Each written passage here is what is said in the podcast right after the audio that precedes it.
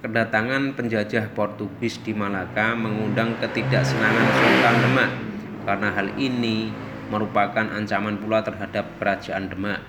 Pada tahun 1513, kerajaan Demak mengirim armada tentaranya dipimpin oleh Pati Unus untuk mengusir Portugis di Malaka mengalami kegagalan. Hal ini disebabkan Portugis memiliki armada lebih kuat dan lengkap.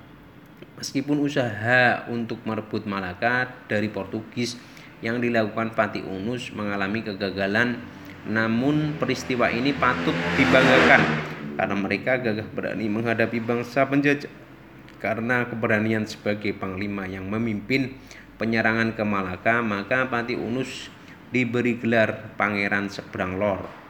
Artinya pangeran yang menyeberangi laut ke utara. Kemudian pada tahun 1518 Raden Patah wafat, ia digantikan oleh putranya yaitu Pati Unus.